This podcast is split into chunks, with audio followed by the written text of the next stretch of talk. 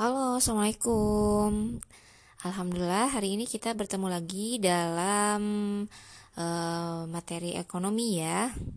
Kemarin kita sudah melihat uh, preview pembelajaran yang akan kita hadapi dalam semester ini dan teman-teman sudah lihat ya. Uh, materi pertama yang akan kita bahas adalah tentang pendapatan nasional. Oke, sebetulnya sebelum masuk ke materi ya, uh, jadi materi-materi yang akan kita pelajari di kelas 11 ini, materi ekonomi ya adalah materi-materi yang menjadi inti dari pembelajaran uh, ilmu ekonomi ya. Jadi hal-hal yang penting banget dalam uh, ilmu ekonomi itu dipelajari di kelas ini di kelas 11. Jadi teman-teman harapannya meskipun kita berada dalam kondisi uh, yang mengharuskan pembelajaran via daring, belajar dari rumah, pembelajaran jarak jauh tetap fokus karena uh, kelas 11 merupakan kelas yang paling penting gitu ya untuk uh, belajar mengumpulkan ilmu-ilmu uh, untuk bekal teman-teman semua nanti sampai ke depannya gitu. Oke, langsung aja ya. Hari ini kita akan bahas pendapatan nasional. Nah, apa sih eh, yang biasanya terlintas dalam pikiran teman-teman semua kalau mendengar kata pendapatan? Hmm. Pendapatan ya. Kalau dari sisi orang produsen atau yang suka bikin-bikin produk tuh, pendapatan itu tergantung banget kepada berapa banyak produk yang bisa dihasilkan ya kalau produk yang dihasilkannya banyak, ya pendapatannya juga akan banyak. Gitu ya. Itu kalau dari sisi produsen.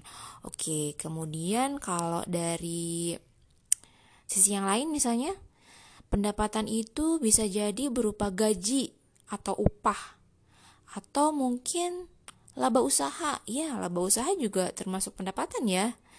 Kemudian kalau misalnya teman-teman uh, ini juragan tanah misalnya pendapatannya apa? Sewain sewain tanah kan gitu. Terus kalau misalnya teman-teman sebagai investor nabung investasi di saham misalnya maka bisa jadi teman-teman akan mendapatkan bunga sebagai pendapatannya. Itu ya. Nah kemudian ada lagi nih pendapat eh, pendapatan itu bisa eh, kita nilai melalui cara orang e, melakukan kegiatan konsumsi. Konsumsi ya. Misalnya kayak beli makanan atau belanja. Orang yang konsumsinya banyak melakukan konsumsi banyak gitu ya misalnya belanjanya banyak barang-barangnya branded kayak gitu itu bisa kita nilai oh ini pendapatannya gede nih gitu ya enggak nah jadi kalau kita lihat ya pendapatan itu bisa dinilai dari yang pertama tadi dari produksi. Kemudian yang kedua dari misalnya berbagai macam pendapatan kayak eh, tadi gaji sewa kayak gitu ya. Terus yang ketiga kita juga bisa lihat pendapatan dari kegiatan konsumsi kayak gitu ya. Nah karena itu jadi apa sih yang disebut pendapatan nasional? Nah, dari yang tiga tadi itu, maka pendapatan nasional dapat didefinisikan yang pertama ya sebagai jumlah barang dan jasa yang diproduksi e, suatu negara pada periode tertentu. Nah, atau bisa juga didefinisikan sebagai jumlah pendapatan atau penghasilan masyarakat suatu negara dalam periode tertentu atau jumlah pengeluaran yang dilakukan oleh masyarakat negara tertentu pada periode tertentu gitu. Tapi e, biasanya yang paling lazim e, digunakan ya itu yang poin pertama tadi. Jadi pendapatan nasional adalah jumlah barang dan jasa yang dihasilkan oleh e, negara tertentu pada periode tertentu seperti itu ya. Nah, kemudian apa sih manfaatnya melakukan perhitungan pendapatan nasional? Nah, kemarin pas e, kuis yang kemarin tuh udah ada tuh yang jawab-jawab tuh. Nah, udah masuk tuh nah kalau kita lihat ya sebetulnya eh, setiap periode selalu ada laporan ya kalau teman-teman misalnya mm, menyimak berita ekonomi misalnya pendapatan Indonesia uh, berapa kemudian tahun kemarin berapa kayak gitu. Nah manfaat yang pertama uh, dilakukannya perhitungan pendapatan nasional itu adalah untuk mengukur laju pertumbuhan ekonomi nah ya dong. Kalau misalnya pendapatan tahun ini lebih besar daripada tahun kemarin, artinya kan ekonomi mengalami pertumbuhan ya. Nah, kalau misalnya eh, pendapatan nasional tahun ini lebih kecil daripada tahun kemarin, berarti ekonominya nggak tumbuh, pertumbuhannya minus gitu, alias mungkin mengalami kontraksi, artinya perlambatan, nggak jadi nggak tumbuh kayak gitu ya. Kemudian manfaat yang kedua, membandingkan kemajuan ekonomi antar periode atau antar negara. Nah, misalnya nih, eh, kan kalau dalam laporan pendapatan nasional itu biasanya nggak dihitung cuman satu tahun atau satu periode aja ya.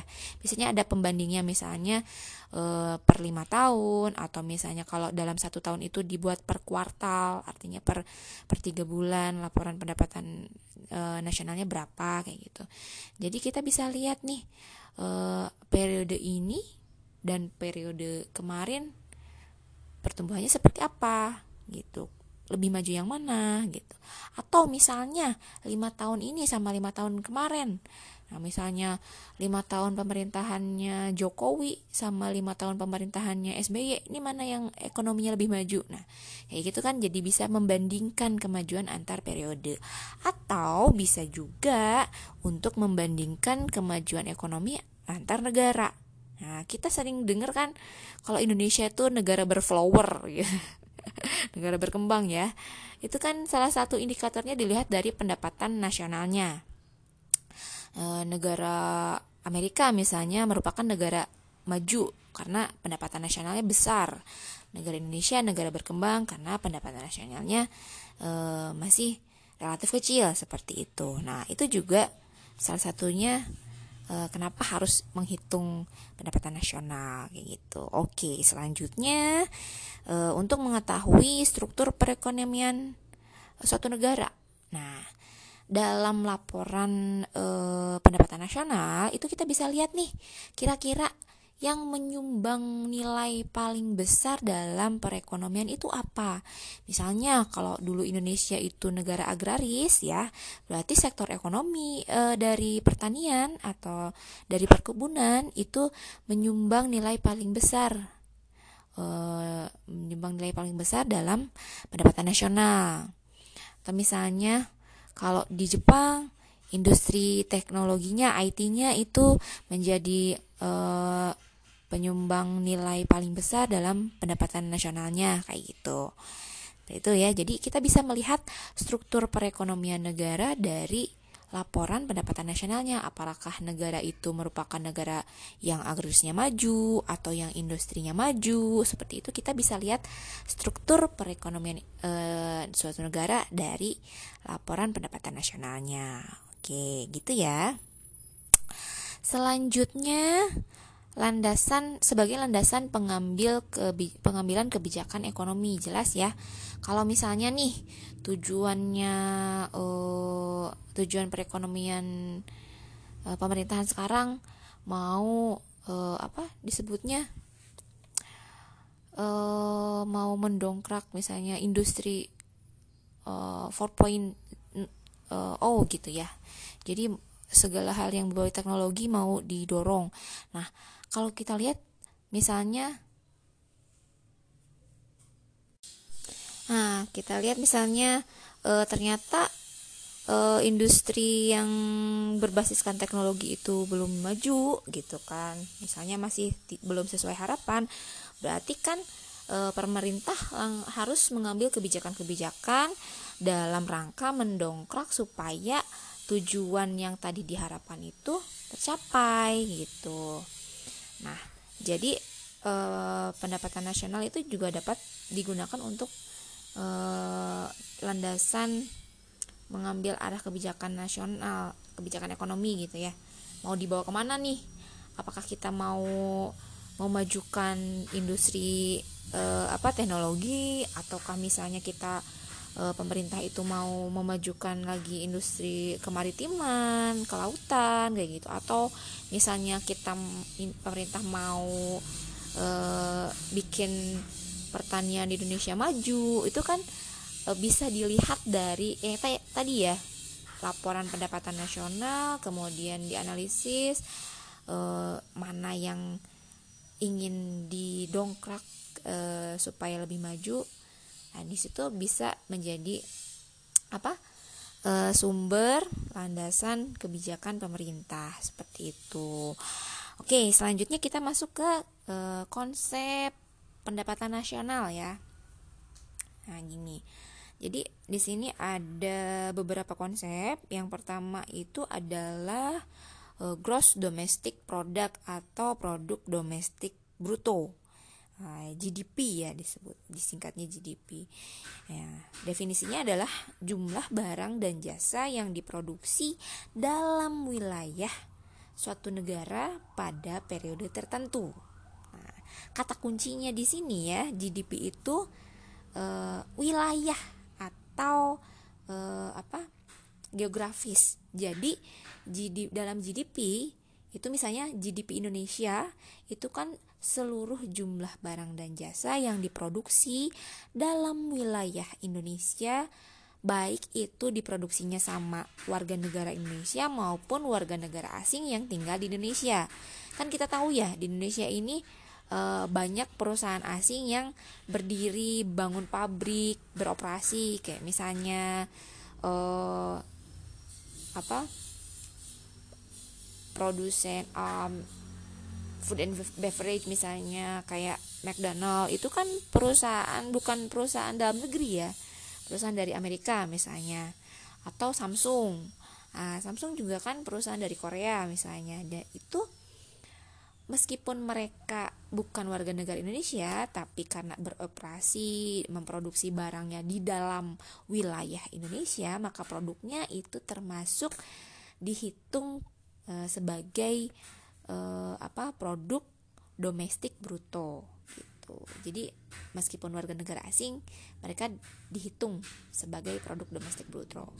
Nah, kalau gross national product atau produk nasional bruto itu jumlah barang dan jasa yang diproduksi warga negara tertentu pada periode tertentu. Nah, kata kuncinya di GNP ini adalah warga negara ya. Jadi misalnya eh, yang tadi eh, apa? McDonald atau misalnya Samsung itu masuk ke perhitungan GDP tapi mereka tidak termasuk e, ke perhitungan GNP gitu. Mereka masuk ke produk domestik bruto tapi nggak masuk ke produk nasional bruto. Nah, tapi warga negara Indonesia misalnya punya pabrik di luar negeri atau mereka e, beroperasi di luar negeri itu atau misalnya bekerja di luar negeri misalnya TKI TKW kayak gitu ya itu termasuk kepada produk nasional bruto gitu. Jadi kalau yang tadi ya, yang pertama itu GDP itu karena dalam wilayah oh, dalam wilayah Indonesia, jadi mau warga negara Indonesia, mau warga negara asing itu masuk dihitung sebagai GDP. Nah, kalau di GNP itu khusus warga negara itu saja. Jadi kalau misalnya GNP Indonesia berarti jumlah barang dan jasa yang diproduksi uh, oleh warga negara Indonesia baik yang di dalam negeri maupun di luar negeri. Tapi yang warga negara asing yang beroperasi di Indonesia itu tidak termasuk kayak gitu ya. Oke. Kemudian ada net nasional produk atau produk e, nasional neto. Hmm, ini dihitungnya dari GNP tadi atau gross national product dikurangi penyusutan atau depresiasi barang modal. Nah, kita tahu kan kayak misalnya apa? E, gedung atau kendaraan atau misalnya ya barang-barang modal kayak gitu ya, faktor produksi itu kan ada yang mengalami penyusutan. Penyusutan itu maksudnya bukan menyusut jadi kecil ya, tapi e, nilainya itu mengalami penurunan. Misalnya nih kayak mesin produksi kan kita pas beli itu misalnya harganya 10 juta nah setelah dipakai untuk produksi lama-lama mau dijual lagi misalnya itu kan pasti dijualnya enggak nilai yang sama kayak pas beli kan pasti harganya itu lebih murah ya. Nah itu e, penurunan nilai itu yang disebut dengan penyusutan. Kayak gitu. Misalnya tadinya beli 10 juta kemudian setelah dipakai berapa tahun dijual jadi e, eh, 6 juta seperti itu. Maka nilai 4 jutanya itu disebut sebagai penyusutan barang modal seperti itu. Nah nanti diakumulasi e, kalau nasional berarti di, diakumulasi seluruh e, Indonesia berapa kayak gitu penyusutannya. Nah itu ya. Jadi hitungannya berarti GNP dikurangi penyusutan atau depresiasi barang modal. Nah, selanjutnya konsep selanjutnya itu ada NNI atau Net National Income, pendapatan nasional neto. Hmm, ini hitungannya dari NNP ya yang tadi dikurangi pajak tidak langsung. Pajak tidak langsung itu hmm, pajak yang dibebankan bisa dibebankan kepada orang lain. Nah, misalnya nih teman-teman makan di KFC, terus lihat struknya nih struknya itu ada PPN 10% ya biasanya PPN 10%. Nah, PPN itu kan sebetulnya pajak eh, yang eh, dibayarkan oleh eh, produsen ya. Tapi bisa dibebankan ke konsumen kayak gitu. Jadi tidak harus dibayar oleh dia sendiri tapi bisa dibayarkan oleh misalnya dibebankan kepada konsumennya kayak gitu. Kan ada juga uh, apa produk-produk yang kalau kita beli itu tidak mencantumkan PPN oh berarti dia PPN-nya udah e, dibayar langsung oleh si penjualnya seperti itu. Nah itu yang disebut pajak tidak langsung. Jadi pajaknya bisa dibebankan kepada pihak lain. Hmm, gitu ya. Terus selanjutnya itu ada personal income atau pendapatan perseorangan Pendapatan perseorangan ini dihitung dari nilai net national income, kemudian dikurangi jaminan-jaminan sosial yang dibayarkan, kemudian dikurangi laba ditahan, dikurangi pajak perusahaan dan ditambah ditambah transfer payment. Transfer payment ini merupakan eh, apa? fasilitas-fasilitas yang diberikan dari pemerintah untuk e, masyarakat ya misalnya bansos atau e, subsidi. Nah ini yang disebut dengan transfer payment kayak gitu. Nah kemudian yang terakhir itu ada disposable income atau pendapatan yang bisa langsung dibelanjakan e, gitu. Itu dihitungnya dari personal income dikurangi pajak langsung. Nah kalau pajak langsung ini pajak yang tidak dibebankan ke orang lain ya harus dibayar oleh diri pribadinya sendiri misalnya kayak PPH atau pajak penghasilan itu kan perorangan banget ya bayarnya. Jadi saya penghasilannya berapa kena pajak berapa. Nggak bisa kita suruh uh, orang lain untuk bayarin kayak gitu. Itu yang disebut pajak langsung. Nah teman-teman sebetulnya nggak usah bingung ya nggak usah bingung dulu. Kita belajar pelan-pelan aja di sini uh, tentang menghitung menghitung ini ya konsep-konsep pendapatan nasional uh, karena sebetulnya yang biasanya paling sering keluar itu uh, yang paling sering digunakan itu GDP dan GNP kayak gitu sebagai indikator pendapatan nasional ya. Tapi e, karena ini konsepnya teman-teman tetap harus belajar nanti kita ada akan ada latihan soal ya kayak gitu dengan menggunakan rumus yang ini. Insya Allah lah teman-teman juga pasti bisa karena ini cuman tambah kurang tambah kurang aja kayak gitu.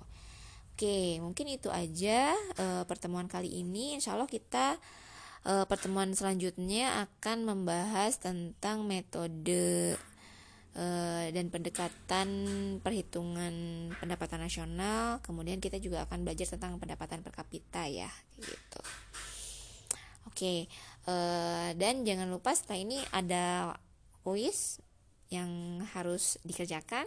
Nah tetap semangat uh, belajar dari rumah. Tetap uh, ya tetap semangat pokoknya tetap fokus.